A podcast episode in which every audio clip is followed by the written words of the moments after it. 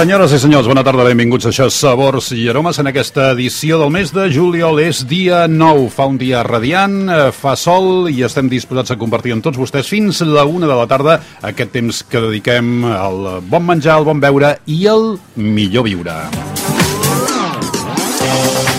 A la part tècnica el Xavier Rondon eh, com de costum i avui disposats a fer una passejada per diversos eh, restaurants de la ciutat de Barcelona i també farem doncs un viatge cap a la costa del Maresme, concretament arribarem a Sant Andreu de Llavaneres per parlar d'un local que també es troba en aquesta població just al port.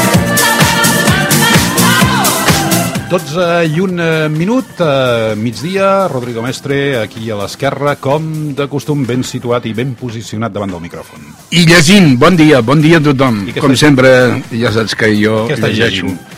Pues no sé. La guia telefònica? No, No? estic llegint una revista que regala un diari cada dissabte. El periódico. Eh, el periòdico. Digueu, perquè- I per què? Home, perquè I això per què és- els hi fas publicitat? Perquè al això és com, aquells que diuen eh, una marca de... També hi ha de l'avui, de. Vanguardia, i si els està que paguin, senyors del periòdic... Ah, bueno, que estan fotuts, aquests no, no Tots pagarien. fotuts, ningú paga. No, és que a tot arreu, cada setmana, almenys surt 14 vegades un senyor que es diu Carles Gaig, Sí. i que jo li tinc molt apreci, és un gran amic i tal, però des de que eh, hi posa noms com, per exemple, els macarrons de la Cardenal, solament hi veus el color. Ja saps que el Cardenal eh, van vestits de vermell, De vermell, sí. i aleshores doncs hi posa un timbal eh, ja, i, ja no posa el plat de macarrons de la iaia o de la Ah, no? tieta o de la mare allò ben posats, gratinadets no, t'agafa un rotllo et posa els macarrons en allà eh, a dins d'aquesta rotllana Sí. de, de ser o d'alumini Sí. i aleshores doncs l'aixeca com si fos, eh, voilà, no? Sí. i menges aquells macarrons i, bueno... Mm, I què, què tenen aquells macarrons? pues que són a la cardenal pel color, però pel gust, pel sabor i per la... Jo no sé qui el fa. Suposo que ell els hauria fet la primera vegada. Sí. I amb una, ell ha cregut que n'ha tingut prou mm. i, clar, aleshores els de més, els altres cuiners que li fan, pues agafen ketchup, el foten per allà i adeu, Andreu. Escolta'm, això què vols dir? Que potser el senyor Carles Gaig, això de baixar des del barri d'Horta tan bonic i tan estimat cap al centre de la ciutat de Barcelona mm, no, no li ha fet bé, almenys, No, no, de, a la lo- forma lo de que, cuinar? El que no li ha fet bé és sortir tant de la cuina. Quan estava a Can Gaig, i mm. vaig ser l'únic i primer que va escriure de Can Gaig a l'any 1979 i va ser el segon article que vaig escriure, que vaig escriure mm. eh, fent crònica de restaurants al periòdico, precisament, mm. i aleshores ell es cuidava de casa seva i era un, i és un personatge, és un cuiner esplèndid, mm. però ara té molta, molta, molta, molta feina pues, en sortir en fotografies, en entrevistes, en fer... Eh, A més, porta eh, tres restaurants, no? Perquè sí, té el seu al Cram, té el, la, la font de no sé on i... Sí, la Font de Gat, sí, Exacte. sí, bueno, i després assessora molta gent. Mm. I després hi ha, eh, ara, que diuen que enjoyen la cuina tradicional a Gats, eh, amb una senyoreta que es diu Fina Navarro i Carles Gats. I les fotografies, pues sí, semblen allò d'una gamba per aquí, una gamba per allà, i, bueno, jo a mi em presenten aquest plat i sembla que donguin el, el menjar del gos. Doncs bé, són coses que passen. Diuen que el cuiner on ha de ser és eh, a la cuina, vigilar els plats, comprovar els eh, plats, saber el que es posa a cada plat i, evidentment, si ets cuiner però no estàs a la cuina, mm, malament sortiran els plats, no? Et trobo tant a faltar, Santi Santa Maria, tant a faltar, de veritat. Quina llàstima.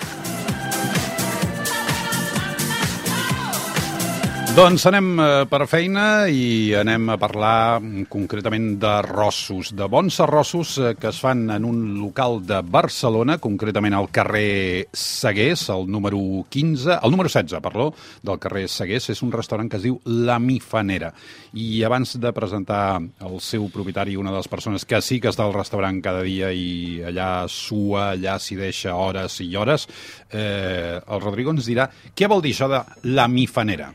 Bueno, millor ens ho explicaria ell, però la mifanera és l'aparell on es fa l'arròs a Xina. Ahà. I saps que tota la part oriental eh, mirant-ho des de la nostra terra, des de Catalunya, doncs mengem molt arròs i quasi eh, el món s'alimenta, cada 10 persones s'alimenten d'arròs 6. Mm -hmm. Per tant, és molt important. I ell se li va acudir perquè eh, li agrada molt mm, treballar l'arròs, eh, se'n va enterar, li va agradar el nom i no és així que va sortir la idea de la mifanera? Sí, sí.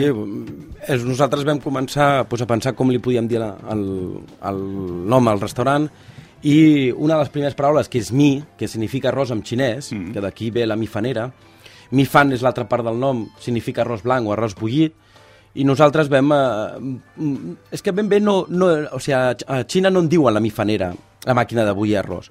Nosaltres vam allargar el nom de la paraula mifan, mm. vam posar mifanera, i nosaltres li vam dir a la màquina de bullir arròs... La veu catalanitzar. La vam catalanitzar. Mm. I, uh, té un nom molt complicat de, de pronunciar, la màquina de bullir arròs, i és tan important aquesta màquina com per nosaltres un lavabo. Mm. Hi ha moltes cases de, de Xina tenen aquesta màquina, però, per exemple, no tenen un lavabo. I perquè a casa tenen tot el dia arròs bullit, com nosaltres podem tenir un tros de pa o una barra de pa, doncs ells tenen arròs bullit a casa. Mifanera, la Mifanera, al carrer Segués número 16, és el Roger Martínez, eh, un home, com deia, que es passa moltes i moltes hores en aquest restaurant perquè ell mateix entén que perquè un restaurant funcioni has de ser-hi, no, no pots estar fent bolos. Per no, per, no, perquè sortir un bon arròs has d'estar controlant-lo. Mm -hmm. Si deixes tot a mà d'altres persones, pot, poden fer-ho igual de bé, però sempre el client et demana que el, estigui al teu criteri. No? Mm -hmm. eh, jo tinc uns cuiners molt bons que ens elaboren l'arròs, però sempre tu has de mirar si realment ha sortit bé o surt malament perquè el client li arribi. L'arròs sempre té que tindre una base de sofregit? No, no, depèn de quin tipus d'arròs. O sigui, nosaltres fem des de paelles, fem risotos, fem arrossos saltejats, guisats, vull dir, tenim una varietat bastant gran. Explica'ns un, un secret perquè la mestressa de casa faci un risotto. Un risotto és intentar buscar un gra d'arròs que tingui molt de midó. O sigui, amb un arròs eh, basmàtic o d'aquests eh, orientals, mai pots fer un risotto perquè no et deixarà aquell midó que necessita, aquella cremositat que necessita fer un risotto. Podries arribar a fer un amb un bomba o amb un calasparra, Aquí, podries ja arribar a fer un risotto, però mai et donarà cremositat que són els grans d'arròs com el carnaroli, violone nano, un herborio d'aquest més, més clàssic, que aquests et deixen al, al cuinar molta, molta midó que et dona la cremositat que a part de quan li fiques la mantega i el parmesà pues et dona una cremositat en l'arròs. Mm -hmm. Amb quants tipus d'arròs treballes Aviam, a la bifanera? Jo ara en el restaurant treballo 15 varietats diferents de, de tipus de gra d'arròs. Mm -hmm. o sigui, en el món ja existeixen 250.000 varietats. Mm -hmm. Vol dir que de cada una se n'arriba a fer moltíssimes. Vale? Però ens arriba a Espanya eh, una varietat bastant petita del que pot arribar a haver-hi en el món, però és una característica de, entre petits, o sigui, gra petit, gra rodó, gra llarg, eh, gra italià, gra oriental, vale? nosaltres, eh, per exemple, per l'arròs, eh, per fer paelles i guisats, tant utilitzem el calasparra com el bomba. Per als arròs risotos tenim el carnaroli, l'herborio i el violone nano. Pels que tots el que siguin orientals, que és a partir d'un arròs bullit, ens posem a saltejar-lo doncs, afegint una salsa, afegint verdures, carn, doncs tenim el basmàtic, que és aromatitzat amb, amb gisamí, el thai, el, japon, el gra japonès, o fins i tot un gra eh, llarg normal clàssic que podem tenir. Mm -hmm. vale? I després tenim eh, per eh, fer aperitius. Tenim l'arròs vietnamita, que és unes xapes planes de color verd. Mm. També tenim l'arròs eh, salvatge canadenc, que serveix per fregir i fer, fer, fer com coquets d'arròs, vale? que són com cruixents, o fins i tot les patates que podríem dir-les les orlees d'arròs, que és eh, les orlees, fregir-les, que és allò que, que fan els rotllets xinesos, -hmm. fregir-les i queda com un cruixent, una corteza d'arròs. Mm. Escolta, això de fer arrossos en un país on tothom sempre diu jo és que faig la millor paella del món, és complicat, és difícil? No, és cert, és cert. És, tothom... és cert, és molt complicat. Jo no. Bueno, però tothom jo, a casa... Jo no, jo no he dit mai que faig la millor paella del món. Bueno, però tu no. fas el millor programa del món. Això sí, ja està. Home, tinc els millors ingredients. No, però a casa... Tinc el millor llagostí. El bo de l'arròs és que eh, pot, pot fer-se amb qualsevol cosa. I a casa, si tens una mica de cura, pots fer-te un arròs a casa amb qualsevol cosa que tinguis a la mm. nevera. Mm. I tires una mica de sofregit, i tires una miqueta, doncs, tens trossos de carn, eh, bacon, eh, el que vulguis, verdures, mm. poses una paella, poses caldo i a bullir però és molt més complex l'arròs. O sigui, has de triar un bon gra d'arròs, perquè vas dir, ah, és que eh, queda pastós. Doncs pues, tries un bon gra d'arròs, mm. que el caldo tingui gust, que la carn pues, sigui una carn fresca i la, el marisc pues, sigui fresc i sigui molt bo, pues, és complicat perquè sempre, el, és com els canelons, no? els de la iaia sempre són millors. Mm -hmm. pues amb l'arròs passa el mateix, tothom sap fer paelles. Però per, per això, a part de fer paelles, fem altres tipus d'arròs. Mm -hmm. Que a part la propietat és que els arrossos tots són individuals mm -hmm. i que cada un pot triar-se el seu arròs. Si jo em vull menjar un arròs negre o l'altre es vol menjar un risotto, O sigui que no hi ha allò... Pa, pa, paella, mínim Mínim dos dos. persones. No, Això és una és la tonteria. tonteria no? més gran del món. Hasta faig mitges racions, vull dir, fem una degustació que una persona es pot menjar cinc arrossos diferents. Ah, carai. Amb una racioneta petita. Mm. Perquè tu pots coure... El mateix és coure un 25 grams mm. que, ro, que couren 10, 10 quilos. És el mateix. És a dir, es pot fer una mena de degustació dels arrossos que tu tens. Exacte, tenim una degustació que és primer degustes tres tapes, ai, quatre tapes i després tres arrossos diferents, que aquests són triats per nosaltres, o tu arribes al restaurant i dius vull aquests cinc arrossos que me'ls poseu en un menú. Llavors jo primer passo un, passo l'altre, passo l'altre. Però una persona sola pot venir a fer-ho. Llavors tenim paelles molt petites, d'una dimensió molt petita, en on et cou 25 grams d'arròs.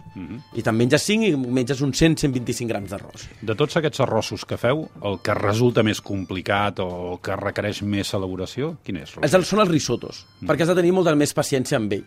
Perquè no és allò que fiquis l'arròs amb el sofregit, tira, mulles tot el caldo mm. i el deixes que es cogui sol. Mm. perquè nosaltres paelles fem la meitat de la cocció al foc i l'altra al forn, sinó que el risotto has d'anar afegint caldo a poc a poc. Clar, has de ser-hi, allà Exacte, remenant, i com no? que cou amb poca quantitat de caldo, s'enganxa molt fàcilment i has d'estar molt més atent a, a la seva cocció i el seu I el vi, no? Perquè també el secret és del vi I el blanc. vi, per exemple, eh? també en fem un, un que tota, quasi tota la cocció està cuit amb vi negre, mm. quasi tot és el, una versió del riso rosso, que és amb bolets i vi negre, Sí, sí. i en vez de bullir amb caldo, bull amb vi negre. Llavors, mm -hmm. tot això has d'estar molt més atent. I a casa és, entre comies, més complicat. Ara et demanaré un altre secret. Per exemple, per treure l'arròs bullit, eh, que ja no hi quedi ni ceba, ni caldo, ni res, i que et quedi eh, suelto per després fer una guarnició eh, eh, saltat de la paella, eh, tal. Quin és el secret per la mestressa de casa que, que em, sempre diu el mató d'arròs no em surt perquè em queda eh, com si fos ciment armat, no?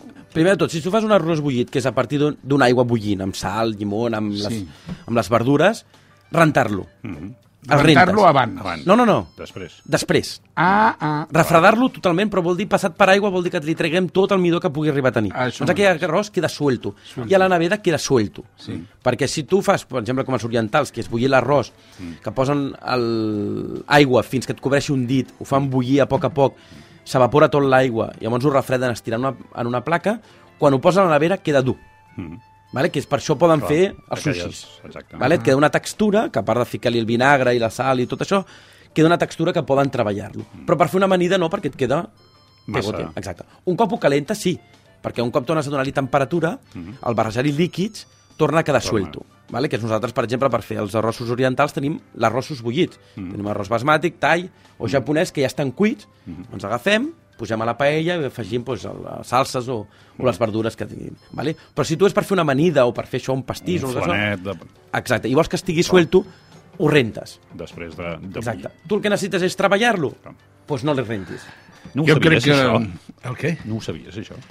Jo, jo clar que ho sabia, però hi ha molta gent que no ho sap. Ah, és per informar la gent. que és per informar la gent. A, a, a, a, a més, Em sobtava. a, a més, el mes d'octubre o novembre, que tindrem un programa de televisió, a mi m'agradarà fer-lo eh, amb ell, perquè s'explica tan bé que és com quan ens estava explicant les classes d'arròs i que si poses això, allò o lo de més enllà, pues, eh, amb les mans eh, eh, és com si es trobés a davant del, dels fogons, a davant del prestatge de la cuina i anés agafant les coses i les anés posant a la paella. I és així com es fa un professional. I tant. Seguirem parlant d'arròs amb el Roger Martínez, però abans uns consells. Sabors i aromes. Segui a taula i escolti.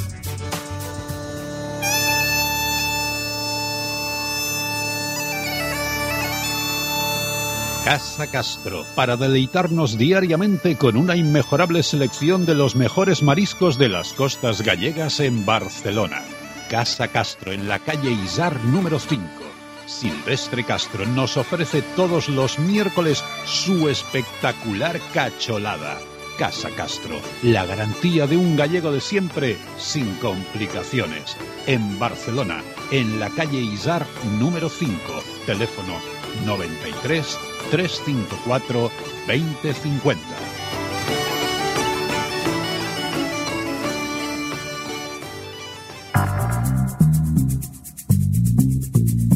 Crealògica.com t'ajuda a desenvolupar la teva estratègia a internet. A crealògica.com posem a la teva disposició els millors tècnics i professionals. Programadors, dissenyadors, gestors de publicitat, experts en comunicació... Tot per fer que el teu negoci vagi més enllà. Crealògica.com Truca'ns 902 013 611.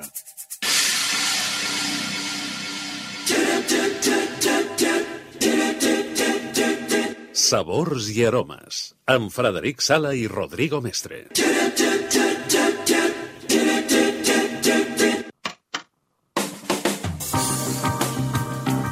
Seguim aquí a Sabors i Aromes. Dos minuts passen d'un quart d'una de la tarda. Estem parlant de la Mi Fanera al carrer Seguer 16 de Barcelona amb el Roger Martínez, un dels seus eh, propietaris. Un local molt acollidor, un local on es pot eh, tastar tota mena d'arrossos eh, fets de diverses eh, i creatives eh, maneres. Però molta gent es pensa, només es pot menjar arròs a la Mi Fanera? No, i tapes. I tapes. I tapes. Quin tipus de tapes fes? Tapes doncs, tan clàssiques com pots menjar un pernil, unes anxoves, uh Mhm. -huh. com unes sardines marinades amb maduixa i parmesà, uh Mhm. -huh. pots arribar a menjar un guacamole amb quicos, uh -huh. unes patates braves diferents, que la salsa està dintre de la patata, uh Mhm. -huh. eh, pots menjar-te doncs, també uns clàssics eh, eh, xipirons, o sigui, eh, xipirons eh, a l'andalusa, Mhm. -huh. uns calamars amb tèmpora... Uh -huh. O sigui, hi ha una varietat de tapes per poder venir només a menjar tapes. I de tapes en sap un rato, eh? perquè va inaugurar el Comerç 24 sí. del Carles Avellan. Sí. El Carles Avellan, eh, amic i tal, també porta banderes, medalles i tal, però eh, estan guanyades per aquest senyor, eh? No, no, és que la veritat es té que dir, perquè aquest senyor estava suant la a dins de la cuina i l'altre eh, estava eh, com, com el- l'alcalde o els concejals, que porten aquella banda vermella i porten el bastó. Però jo he pres molt del Carles. Carles Home, és, no, un, clar, és un crac, és un crac. Veu, estar en un lloc a Igualada, els dos plegats. El Calbler, el, Calbler, Talaia... El Talaia. He treballat 10 anys pel Carles. Sí o no? I el Carles... Ah, L'altre dia amb la festa d'un Sí, any, sí, sí, sí, que feia sí. 10 anys del comerç. que jo no vaig poder venir. Però bueno, eh, tens un projecte, tens un projecte, i el tinc a dir, perquè jo no m'ho guardo al pap. Eh, dintre de pocs mesos tu tens un projecte i que el penses fer perquè ho conegui ja que el carrer Segués és tan petitet i tan estret, doncs, bueno, ja portes molts anys, no?, allà. Quants Mm -hmm. anys? Ara em porto quasi 7. Set. Uh -huh. Bueno, I entre... és fer un pas, un pas endavant. un pas endavant i això ja ho direm perquè Ja ja ho explicarem. manera. ja ho explicarem Sí, després de endavant. l'estiu, que puguem explicar-ho més bé i, Sí. i, i donar més detalls i que la gent pugui saber-ho, ho explicarem perfectament. I... perquè jo sé que la gent se li està fent la boca aigua de pensar en aquestes tapes que ens has dit, amb aquestes classes d'arròs, ens has donat una lliçó magistral de classes d'arròs, o sigui que jo crec que eh, nosaltres volem l'exclusiva d'això. Eh? Molt bé. O sigui que La no, tindreu. se, no se t'acudeixi, almenys radiofònic... Radiofònicament sereu els primers en Eh, saber-ho. I, I televisivament I- també. Vale. Ara, eh, la- escrit, que feu el que vulgueu. Escolta, Roger, eh, ara arriba l'estiu, imagino que la carta d'alguna manera potser canvia, o, o els arrossos són més, potser, eh, cap a tipus amanida, arròs eh, fred o així, o, o no? No, no, no, els arrossos no canvien. El que canvia són les tapes. Eh? Ara fem més amanides, més plats freds, però els arrossos normalment no, no, no canvio gaire la carta perquè ja tinc una clientela que, que ja ve a menjar eh, directament. Hi ha uns que són temporada, com per, les carxofes, els espàrrecs, totes aquestes coses sí que hi canvio, no? Però el que són els arrossos ja, com, com hi ha un que, per exemple, que és el que l'estrella del restaurant, que és el risotto de foie i trufa, mm. aquest ve la gent ja només a menjar això. Vull dir, m'han arribat des de fa 3-4 anys que m'han obligat a no canviar la carta. Mm. Perquè la gent ja ve eh, a, menjar aquest arròs, venen recomanats per aquests tipus d'arrossos i ja m'és impossible canviar-los, no? I les, les paelles també, si canvies un arròs a banda, ja la gent ja, ja no et ve. Una, una pregunta. Si jo ara, per exemple, decidís anar amb una persona al teu restaurant, a la Mifanera, mm. i tu em volguessis eh, fer tastar 3-4 arrossos perquè em fes una bona idea del que fas, mm. a part d'aquest eh, de, de foie i trufa... Aquest l'últim, eh? Eh, Sí, quin, quin se'n recomanaries? Llavors Tres un altre que és una, un arròs de Corea que és saltejat amb verduretes i vieires, mm. també porta uns- unes espècies que són d'algues, sèsam, oli, oli mm. també. Aquest seria el segon. Aquest seria el segon, i després... De... No, el primer seria el risotto de foie, Ah, sí? que és el, el més bo i és el que t'obre el paladar per tot. Què dius, eh? Sí, sí, eh, Sí? sí, sí, és el que la gent Tu hi vol, més. i vol el primer. Mm -hmm. Perquè, encara sembli que sigui molt, però el gust de la trufa ja et dona permís a part dels altres. Mm -hmm. Perquè ara en vindrà un suau, que és aquest, el risotto de Corea, ai, la, l'arròs saltejat de Corea, i l'últim, que és un arròs d'Etiopia, mm -hmm. estufat amb pollastre i ceba, que porta clau, gengibre, comí i canyella. I aquest és un arròs fort, és un arròs per acabar, és un arròs amb, que va molt bé amb vinegre, mm -hmm. i és un arròs per acabar menjant. És com un arròs a la cassola nostra, mm -hmm. però amb espècies. Molt bé. I llavors acabarem amb, amb un pa amb oli, xocolata i sal. Perfecte. De postre. Molt bé, doncs escolta, què més volem? Eh, horaris, dies que tanqueu. Nosaltres tanquem el diumenge per la nit, tot el dilluns i el dimarts per la nit. I l'horari és d'una i mitja a 4 i a la nit de 8 i mitja a 11. Ara a l'estiu, juliol, agost, algun Tanquem dia... 15 dies a l'agost, de la les dues quinzenes de l'entremig, no me'n recordo els números exactes, però són Sí. les dues quinzenes del mig, la, de la, la del 15 El d'agost, 15, sí. i ja està. I el Nadal, que tanquem també 15 dies per Nadal. Molt bé. Doncs, eh, Roger, que segueixis eh, treballant eh, també l'arròs com ho fas a la Mifanera, mm, que després aquest projecte o aquesta idea doncs, sigui tot un èxit, eh, que imagino que serà un projecte on l'arròs, evidentment, serà... Serà una part important. La, la part important, i la resta doncs, ja veurem el que hi ha i en el seu moment ho coneixerem. Gràcies per ser amb nosaltres, èxit, i ja ho sap la gent, si vol tastar, si vol provar bons arrossos creats, elaborats de mil maneres i sempre amb qualitat, la Mifanera, al carrer Seguer 16 de Barcelona. Sabors i aromes.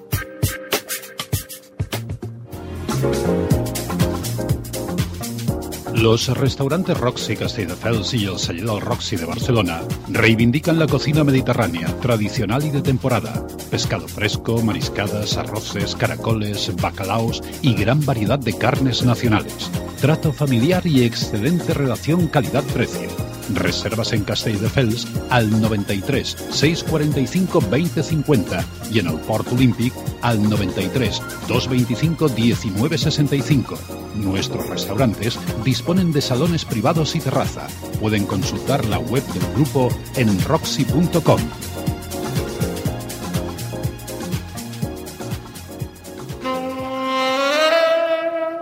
Sabors i aromes.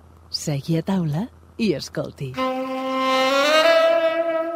Vine a veure Cars 2 als millors cinemes de Catalunya. Els cinemes Full HD del Centre Comercial Esplau. Cars 2. Fin McMissil, inteligencia británica. Tomate, inteligencia del montón.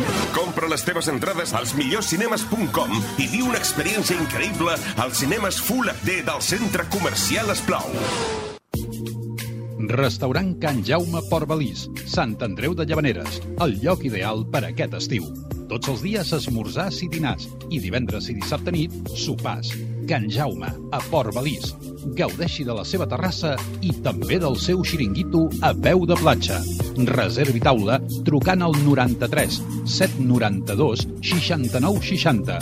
No deixi de tastar els seus arrossos, el rap o el turbó a la planxa. Can Jaume, a Port Balís, Sant Andreu de Llavaneres, tan a prop del mar. 93 792 69 60.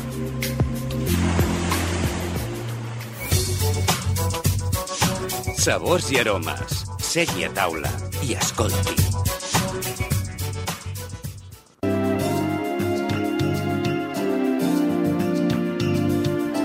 Molt a prop eh, del mar, concretament a Port Balís, a Sant Andreu de Llavaneres, està Can eh, Jaume, un restaurant també amb molta tradició, amb molta història, on eh, també fan uns arrossos eh, d'aquests, podríem dir, mariners molt ben elaborats i també doncs, podem gaudir d'aquests peixos eh, a la brasa que veritablement són excepcionals.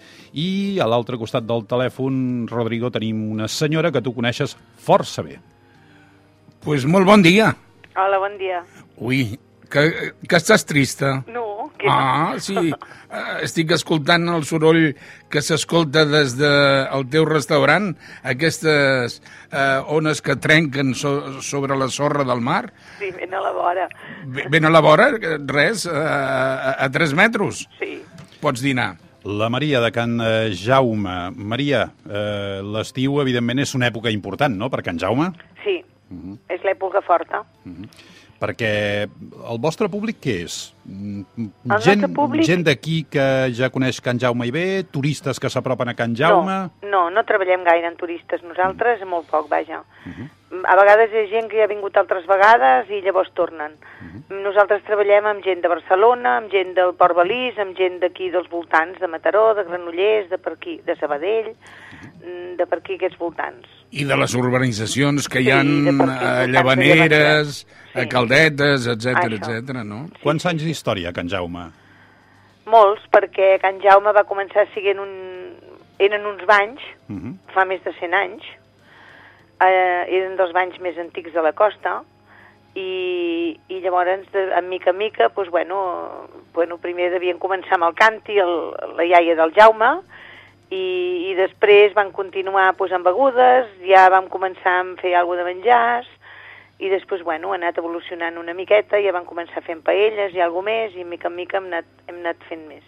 Can Jaume és d'aquests llocs agradables, Can Jaume Port Balís, eh, que, que situem-lo situem bé en el, en el mapa, eh, és un d'aquells llocs on un encara pot fer aquells esmorzars, per dir una manera, de cullera i forquilla, Sí. no, Maria? Sí. Mm, als esmorzars es pot menjar bueno, doncs uns seitonillos fregidets, eh, es pot menjar sardines portades de, del mateix de matí de, de, de, de, del Port d'Arenys, o bueno, qualsevol peixet, o es pot menjar doncs, uns callos, un capipota, Els calamars a la romana, un calamars trinxat... també, i tant. Qualsevol cosa de peix, de guisats, de truites, hi ha molta cosa sempre per esmorzar. I a les 11 del matí ja fas el rotet del bon dia. Escolta, la gent, eh, malgrat tot, el plat, eh, diguéssim, que, que sempre demana, el plat que exigeix a Can Jaume, quin és, Maria? Bueno, les paelles, el que passa que fem moltes classes de paelles. De paelles hi ha dies pues, que són molt les paelles. Les gambes, perquè a casa nostra les gambes són molt fresques, és de molta tradició ja, perquè el Jaume pues, la seva vida se l'ha passat pescant gambes. I, I la gamba també surt molt. Uh, ara està sortint moltíssim pues, el rap i el, i el, i el turbó a la brasa. Uh -huh. Que, esclar, a la brasa el peix aquest agafa més força, Sí. queda molt natural, el fem amb unes verduretes o amb fondo de patates i clar, doncs queda molt bé, eh? Que també, agrada- també agrada molt. Es nota que és cuinera, eh? Oh, i tant. Eh, a més a més, a Can Jaume oferiu la possibilitat de que la gent pugui eh, dinar, sopar a la, a la terrasseta que teniu, Sí. no? Sí, dinar o sopar, a la, bueno, el, els, a dinar a la terrassa, al xiringuito Mhm. o a dintre. Ah A dintre s'està més fresc, ja hi ha aire condicionat. Ja, a clar. fora, torres. sí. Eh? Ah, Llavors, a l'hora dels sopars, doncs muntem la terrasseta Això ja és una altra història. i, i també s'està molt bé, molt bé, i, o dintre. Per Després- exemple... Sí, digues, digues. Després, durant el mes de juliol i agost, fem algunes coses, algunes festes a fora, ja que són una mica més populars, que per exemple el, el dia 29, eh, l'últim divendres de juliol, que fem una gambada amb habaneres, i Ah. això estarà tot al xiringuito i a la platja, dintre no es fa res. Això de gambada què vol dir? De, de és una gambes? gambada, Ah. és amanida, gambes a la planxa, Mm. eh, de, llavors de postres hi ha o fruita o gelat, Sí, i, i habaneres. Molt bé. Això el dia 29 de juliol, no? El 29 de juliol. Molt I el bé. 26 d'agost, que és l'últim divendres d'agost, Mm. es fa però amb tonyina. O amb tonyina la amb xamfaina, Mhm. o si algú la vol a la, a la planxa, a la planxa. Que bona, que bona fas la sanfeina. Això ho feu al vespre, no? Això ho fem al vespre de Mhm. l'últim divendres de juliol, la gambada, i de l'últim divendres d'agost, la tonyinada. I et queden pringades les mans amb la gambada, saps? I agafes el pa i en vez de eh, posar-hi el pa No al cal plat... posar-hi oli, eh? No, no. Vas sucant. eh, Ja, i- no, No, avui vas sucant la mà. et neteges els dits. exacte, molt bé. Ah, sí, sí. Doncs, eh, Maria, gràcies per ser amb nosaltres aquesta estoneta, Molt bé. recomanar a tothom doncs, que s'apropi. Per exemple, avui què els hi recomanaries de la teva carta si algú s'anima a apropar-se a Sant Andreu de Llavaneres a Port Balís? Mira, avui hi han dorades molt maques per fer la sal, Uh -huh. hi ha el turbó, Sí. que és preciós, són turbons grossos salvatges, que molt macos. Uh -huh. i hi ha les gambes molt maques. No són d'aquelles tan enormes, però són precioses. Després els arrossos, perquè en uns diumenges així, que sempre hi ha colles en famílies. Penseu que hi ha- de classes d'arròs en tenim la tira. Hi ha l'arròs, la paella marinera, la paella marinera però tot pelat. Hi ha un arròs de sèpia escòrpora que és, a veure, és com una... no és imitació, però és una mica així de l'arròs a banda que és molt gustós, amb poc tall i molt gustós. Després hi ha un arròs d'espardenyes i bolets. I ara també fem l'arròs caldós, però pelat, amb, amb llevantol, Sí. però pelat, perquè era un inconvenient el tindre que anar pelant, tothom es tacava, Sí. bueno, doncs ho, ho estem... Doncs, Els també- clients som una colla de mandrosos. Cada vegada ens agrada Sí, menjar... però passa que hem Sí. tingut que buscar la manera de que tingués Sí, sí. el gust del llevantol, I perquè tant, si no, clar, sense l'esclòvia perd gust. Mhm. I no, queda molt bé, queda molt bé també, i és molt més còmode, clar, perquè és clar, amb els llemantols, tothom... Ara em taco, ara no em taco, ara m'embruto... Mm, I, I, era un i, I que és maco embrutar-se menjant. Sí. Oh, posar-te la medalla. Doncs. Maria, gràcies per ser amb nosaltres. Eh, el, dia, el dia 29 anem a la, a la gambada? Molt bé. Sí, segur. Sí? sí? Vamos, Jo menjo gambes si tu cantes habaneres. això mateix. Et Bueno? Però canten molt bé, caps, eh? canten. Et deixa... No, en Rodi no. també el deixaran cantar, per això. eh? Ah, i tant. Sí. No, no, sí, ell cantarà, jo menjaré Ah, les vale. gambes. Escolti, no hi, ha, no hi ha problema, repartim la feina aquí. Vinga. Maria, gràcies per ser amb nosaltres. Can Jaume, Port Balís, Sant Andreu de Llavaneres, si algú vol reservar taula, si algú vol demanar allà lloc per aquesta gambada del dia 29 o per la tonyinada del dia 26 d'agost, 93 792 69 60. Gràcies, Maria. Moltes gràcies a vosaltres. Sabors i aromes. Segui a taula i escolti.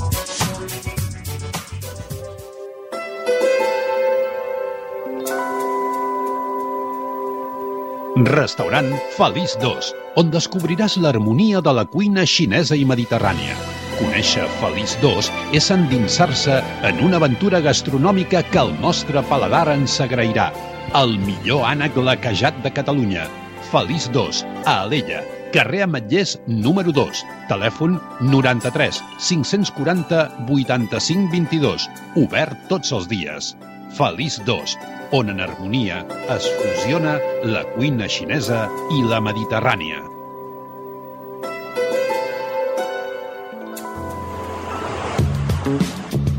Sabors i aromes, amb Frederic Sala i Rodrigo Mestre. Yaya Amèlia, ara obert tots els dies.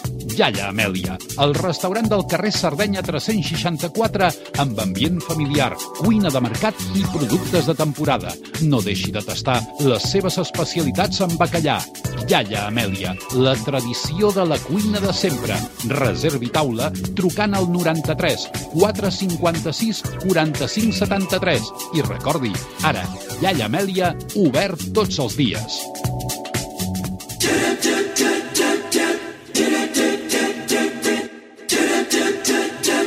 Sabors i aromes, per llepar-se'n els dits.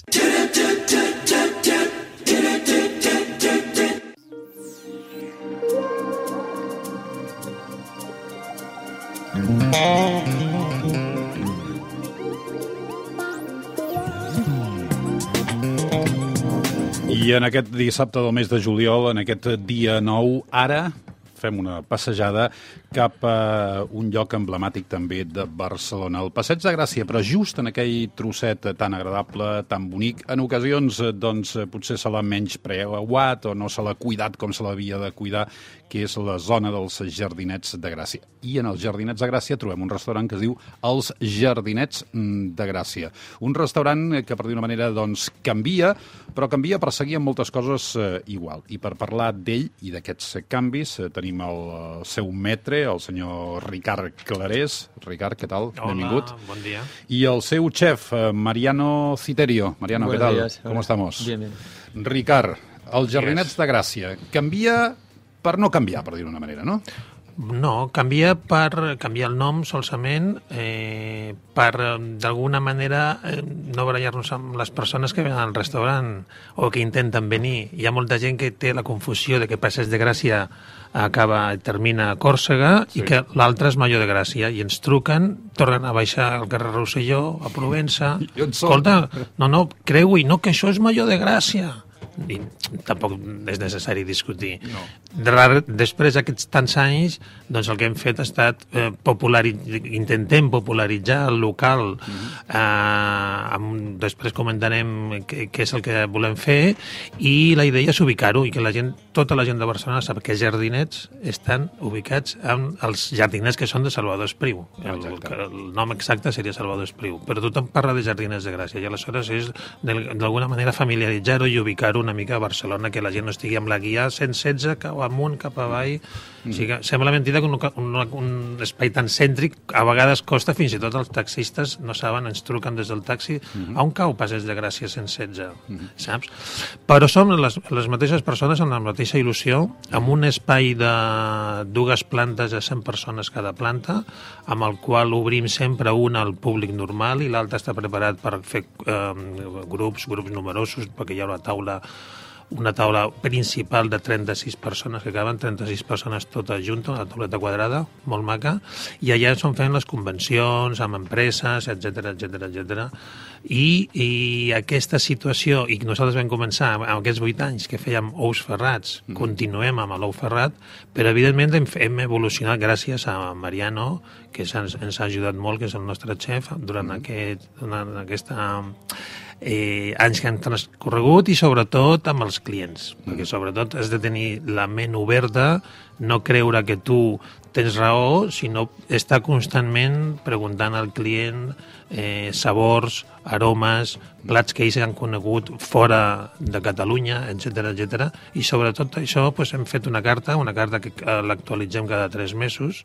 Evidentment, com parla el programa d'avui, un fonamental al, a l'estiu són els arrossos, però sense oblidar el nostre origen, que és el món de l'ou, de l'ou escumat, de l'ou ferrat, amb totes les seves varietats, amb pernils, amb foies, amb ous d'arenga, etc. És dir, els Jardinets de Gràcia manté una miqueta aquella tradició de, de l'antiga Casa Fernández, que era, que era el vostre nom, i el que feu, diguéssim, és una miqueta renovar la vostra carta, Sí. sí. modernitzar una miqueta, per dir una manera, el, el local, adaptar-se als temps i, i sobretot això, escoltar, escoltar el Sí, client, sí, que de sí. fet és qui té la raó i el, i el que tornarà o no tornarà, depèn de si troba o no troba el que li agrada, no? Exacte, som les mateixes persones, el mateix personal, la, el mateix telèfon, eh, el mateix NIF, tot igual.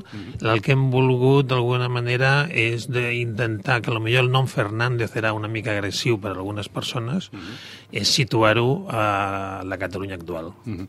I Mariano Citerio, en part, és responsable una miqueta de- d'aquesta adaptació de, de la cuina dels jardinets de Gràcia, de- de- d'esta de, cocina más, más moderna, más actual, sin olvidar, evidentemente, todas las raíces y, y los platos típicos, ¿no, Mariano? Bueno, sí, moderna actual, como comentaba Ricard, eh, conservamos esa columna vertebral desde años ya que nuestros clientes vienen a buscarlas, como comentaba Roger. Platos típicos como los ferrat, algunos arroz y algunas carnes que ya los, los tenemos que no podemos quitarlos porque lo hacemos de toda la vida y es un poco con lo que empezamos a, a ofrecer algo diferente. Y bueno, sí, tenemos algunos puntitos de modernos, pero sin olvidar los productos. Tocamos productos de temporada y cambiamos la carta cada tres meses. Y le ponemos un toque diferente, pero sin olvidar el producto y la columna vertebral que manejamos. Es nuestra oferta y como decía Ricardo, escuchamos a los clientes, yo hablo cada uno, con cada cliente, cada crítica, vamos constructivamente a mejorarlo, Em, sabemos qué cliente viene, qué día, qué come, vamos a él, es un poco familiar, es nuestra casa, hace mucho tiempo que estamos y tratamos de ofrecer mm, siempre lo, lo mejorcito. A veces cuando se habla con un chef de origen argentino, como es tu caso, se piensa que eh, lo que realmente le gusta elaborar, trabajar, es, es la carne. Sin embargo, tú también tienes una, una gran debilidad por lo que es el, el mundo del, del pescado, porque hay pescado que lo sigues, vamos, eh, va- vas al mar, casi te vas a la barca a buscarlo, ¿no? Exactamente. Bueno, un poco en todos los productos trato de hacer eso, porque mm, me gusta al ofrecerlo saber lo que ofrezco. Y como lo has dicho tú, bueno, tengo una gamba de palamos, pues eh, hoy el pescador hace siete años te compro, pues me voy a tu barca, me subo y me meto 13 horas contigo al Mediterráneo. Mm, Para la hora de crear un plato, poder maridarla en, torno a su, a su hábitat, a su, su yodo, darle el sabor ese potente, pues eh, conocer el producto desde el origen. Con con el atún lo mismo y con trato de hacerlo con cada producto. Mm, Para tratar de, de respetar el producto desde el origen hasta el plato y tratar de modificarlo muy poquito y darle sus puntos de fuerza y respetarlo. Mhm. El otro dia, de hecho, Rodri, van poder tastar una miqueta la cuina dels Jardinets de Gràcia, vàrem tindre una mostra d'alguns plats, eh, sobretot eh, ens, va, ens va agradar i vàrem trobar que estava just en el seu punt aquell tataki de, de tonyina de balfagó amb maonesa de miso. Eh? Fantàstic. I després, és una, doncs... Va ser un dels plats que jo crec estrella i que feia temps que no, que no havia comprovat. No? També podem dir que, que vam gaudir de- d'un petit entrant que era el gaspatxo de, de cireres, De que és cireres. allò com una, una novetat, no? un, un toc especial al, al Pues que sí, és el gazpacho. no hay dos oportunidades para dar una primera buena impresión y esto es una cuestión de que nos implica mucho trabajo, aunque parezca un simple gazpacho, porque estamos maniáticamente esperando las cerecitas del día, apartamos las muy maduras solo para ese gazpacho y cuando tenemos ya esta cantidad, pues se hace el gazpacho de manera tradicional con esta cereza y con un buen aceite de oliva para recibir al cliente con una copita fresca antes de, de gustar lo nuestro. Ricard Clarés, tu deies eh, aquests eh, clients, eh, ja podríem dir de tota la vida, clàssics i tradicionals. Aquell client que ve als Jardinets de Gràcia, que ja ha vingut en altres ocasions, el que vol trobar-se a la taula, principalment què és? Carinyo. Mhm. I estem en uns moments difícils, la gent estem visquent en una societat d'una certa agressivitat, entra agressiu, entra agressiu, entra agressiu, entra en plan dictador, quiero, quiero, quiero, i aleshores el que has d'intentar comprendre és el que necessita aquest client, aconsellar-li dintre de, la, de lo que tu pots i, a, a, intentar telepàticament amb el client perquè moltes vegades la gent comença a demanar i diu, escolta, vostè m'està demanant sis plats. Eh, nosaltres fem una de les nostres especialitats no d'ara, sinó de fa vuit anys. El que passa és que ara ho hem remarcat, són les mitges racions. Aleshores, intentar imbuir al client d'una tranquil·litat, d'un... no es preocupi, nosaltres no tanquem la cuina, la fem horari continu de 1 a 12 de la nit, amb el qual estigui tranquil, no es preocupi, si falta li posem, si... però intentem ajudar-li. Uh, nosaltres, la nostra especialitat, com deia el Mariano, que parlava dels arrossos, un, el plat que surt més en aquests moments són els tartars. Mm. Fa tres anys vam lluitar per uh, posar-ho, ja sé que és un plat difícil, però són aquests plats que es fan al moment, que es tallen al moment i que eh, la preparació és comprar un bon producte, però després has, has de treballar-ho al moment que ho demana el client. I tant el tartar de tonyina vermella com el tartar de carn del filet que fem de la carn de Girona és un dels nostres productes uh, estrelles. Després tenim mm, una costella que fem amb molt de carinyo, el Black Angus, que després comentarà el Mariano, una mica perquè veieu que mm, ens volem posicionar amb un producte de qualitat que nosaltres mimem, que el que no volem fer és desconstruccions per desconstruir, sinó potenciar aquell aroma, aquell, això que el camperol ha, o el pagès ha, mm, d'alguna manera, tractat.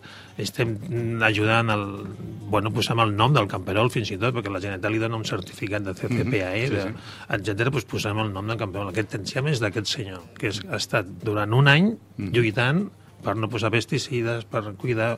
Doncs fer aquesta cuina una mica de casa, propera, i fer-la amb aquest carinyo que necessita el client. Intentem maridar després amb una de les 200 referències de vins que tenim, amb una gamma que tenim i, i sobretot, que ja et dic comentar, que, que tenim la sort, això és cert, que ens han donat de tenir un espai de 800 metres quadrats, doncs, pues la taula apartadeta, la taula romàntica, una taula imperial quadradeta perquè ell estigui, mm, saps, que no sigui la típica taula allargada.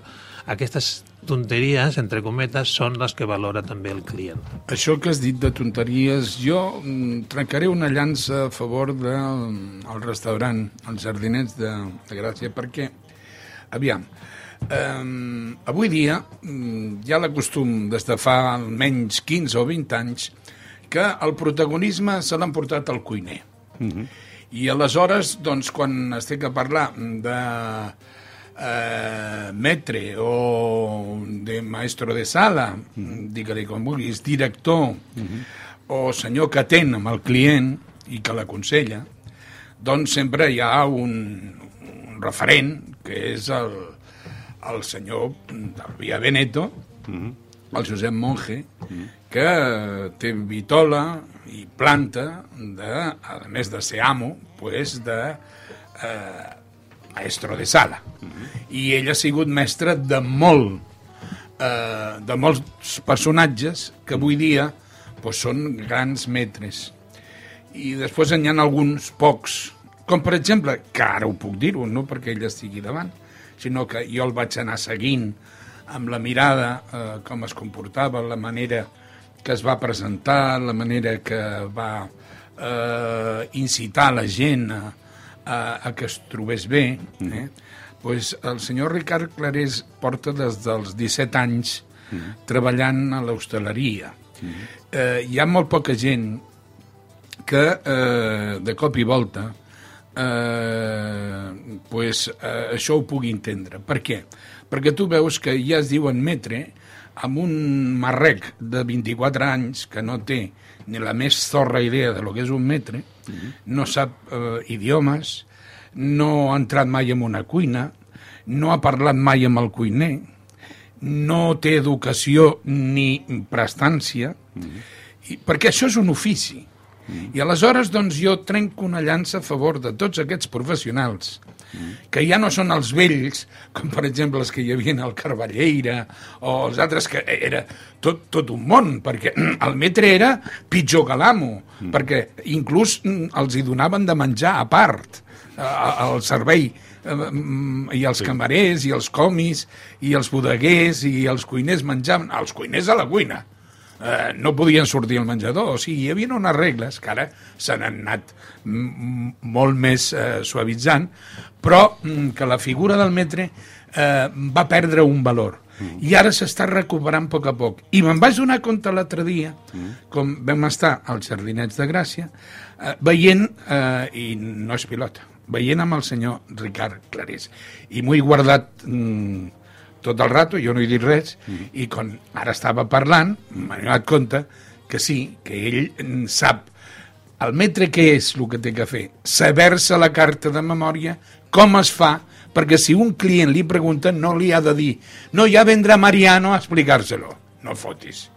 No fotis. No, i després que la gràcia, sobretot d'un restaurant, de, en un restaurant general, jo entregar una carta i un paper em dona vergonya. Mm -hmm. És a dir, jo li he d'explicar els productes que jo tinc mm -hmm. i amb els inputs que em dona el client aconsellar-li un plat i evidentment no vendre el més car entre cometes perquè això beneficia no sé a qui o què és el que més interessa l'únic que beneficia és el client Clar. i amb això és el més important saps? Don... i aquesta situació una mica amb el deies, bueno, què és el més important? sobretot un somriure mm. sabem que estem passant malament tots sí, sí.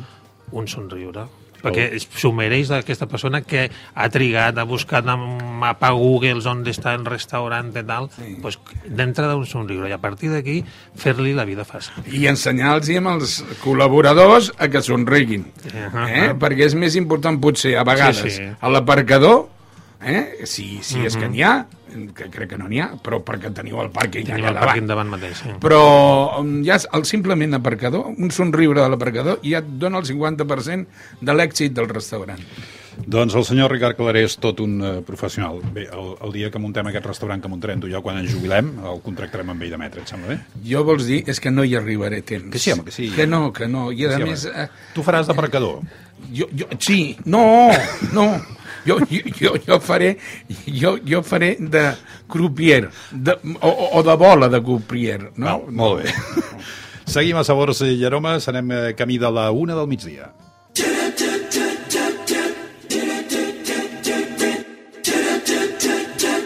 Sabors i aromes per llepar-se'n els dits.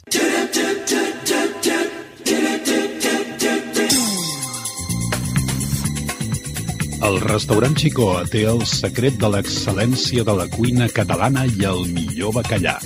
Xicoa és una autèntica referència a Barcelona en matèria de bacallà i altres grans plats de la cuina catalana. Xicoa, al carrer Aribau 73. No deixi de tastar els arrossos i sobretot els bacallans que des de fa més de 40 anys fan gaudir generacions de catalans. Xicoa, l'excel·lència del producte i la preparació.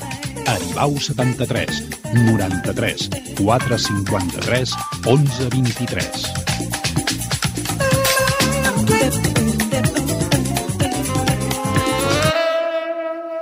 Sabors i aromes. Segui a taula i escolti. Casa Uriarte celebra su décimo aniversario.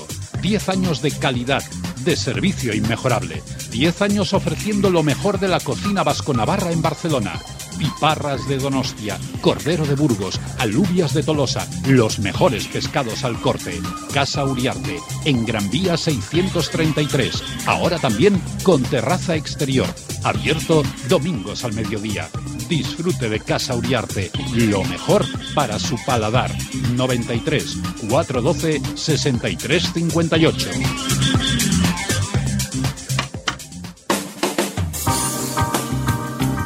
Sabors i aromes. Segui a taula i escolti.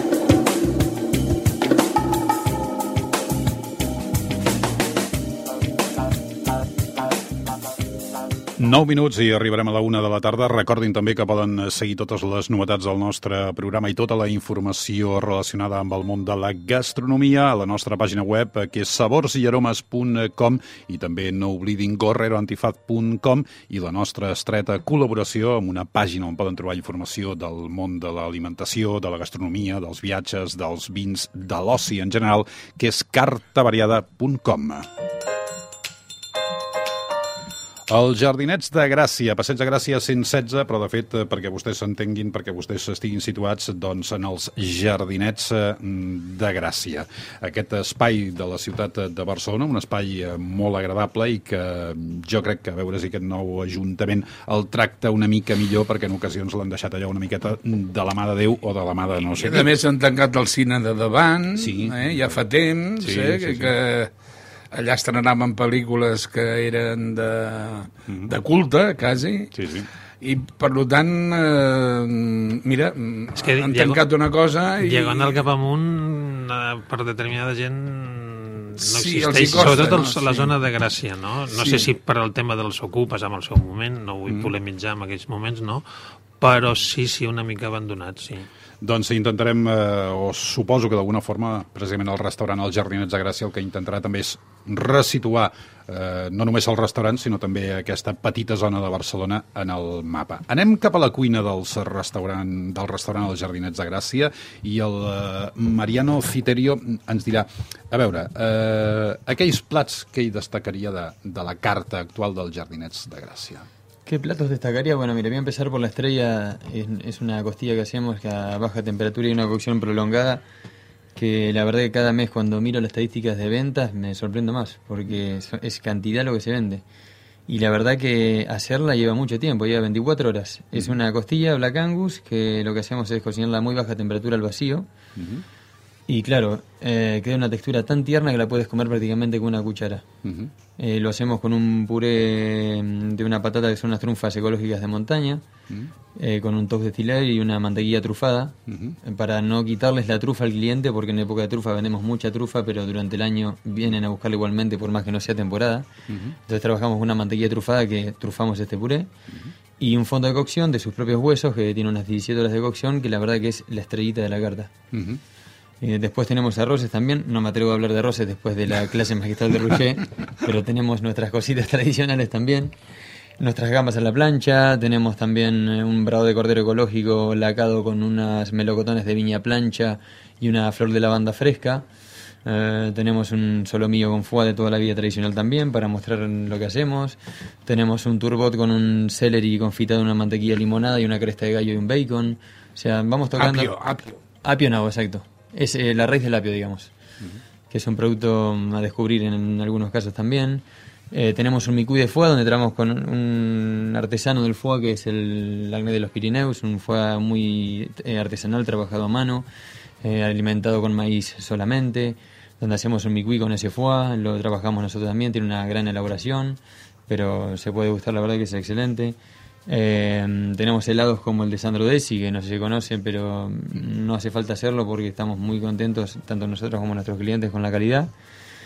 Y bueno, y vamos teniendo cositas así muy, muy coquetas, muy, muy honestas. En principal, honesto, o sea, muy transparente, tratar de modificar el producto lo menos posible. Y ofrecerlo intacto en la mesa casi. Menos mal que no has dicho divertido, porque lo odio. No, y además trabajamos con unas sugerencias que cada semana, por ejemplo, esta semana hay unas vieiras con una lima kéfir buenísimas eh, y, y lo que comentaba al principio que son los, el atún balcego que él te puede comentar porque estuvo eh, nadando con los atunes aquí en la Admella que no me invitó, no pasa nada. Es un buen amigo, Muy bien, muy es un bien, buen amigo, pero trabajamos los tartares de atún y el, y el morrillo sobre ¿Los, todo. ¿Los hacéis delante del cliente o, o ya salen preparados de la...? Sale por tema de Porque infraestructura. ahora, ahora se vuelve otra vez a hacer lo clásico, trabajar al, a- Sí. al metre, a, Sí, sí. trinchar. A mí me encantaría hacerlo delante del cliente. Sí. Hay un tema de infraestructura, estamos hablando de 800 metros cuadrados. Caramba. Y ahí necesitamos eh, unas manos que a veces nos- no, nos- no son fáciles. Hay que ¿eh? hablar, hay que hablar y creo que es interesante también de los grandes comedores que tenéis. ¿eh?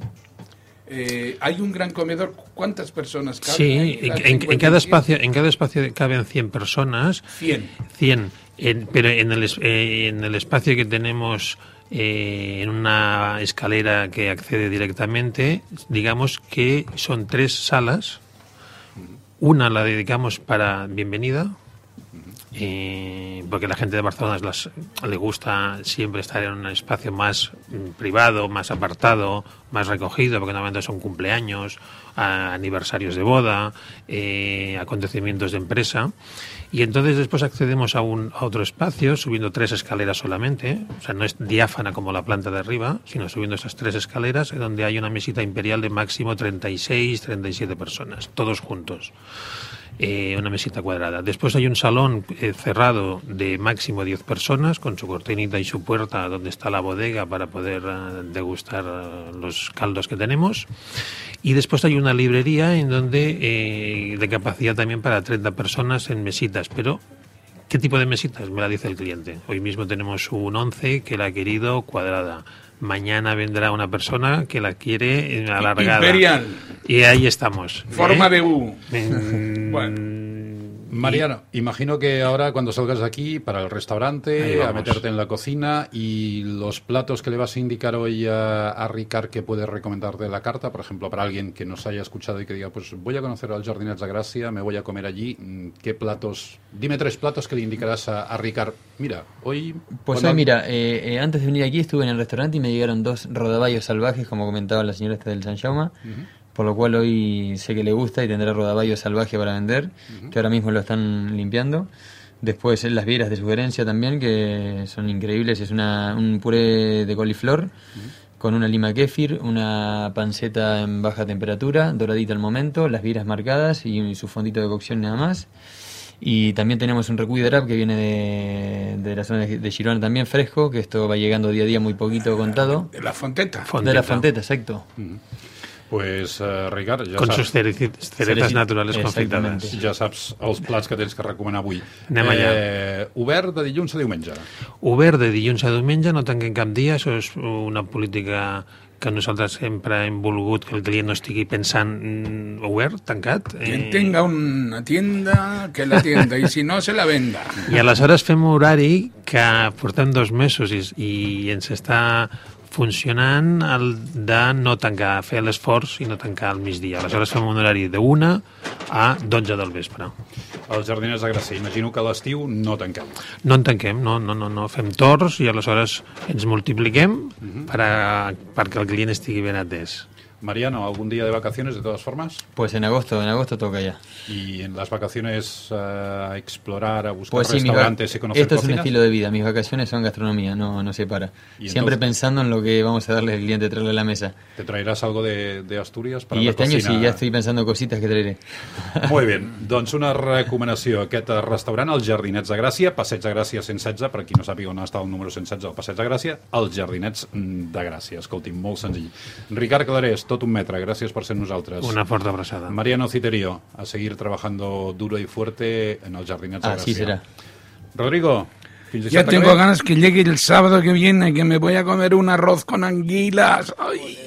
És veritat que és la festivitat de la Verge del Carme, la Ah, festivitat això dels pescadors. Felicidades, Carmen, por anticipado. Gràcies i fins dissabte.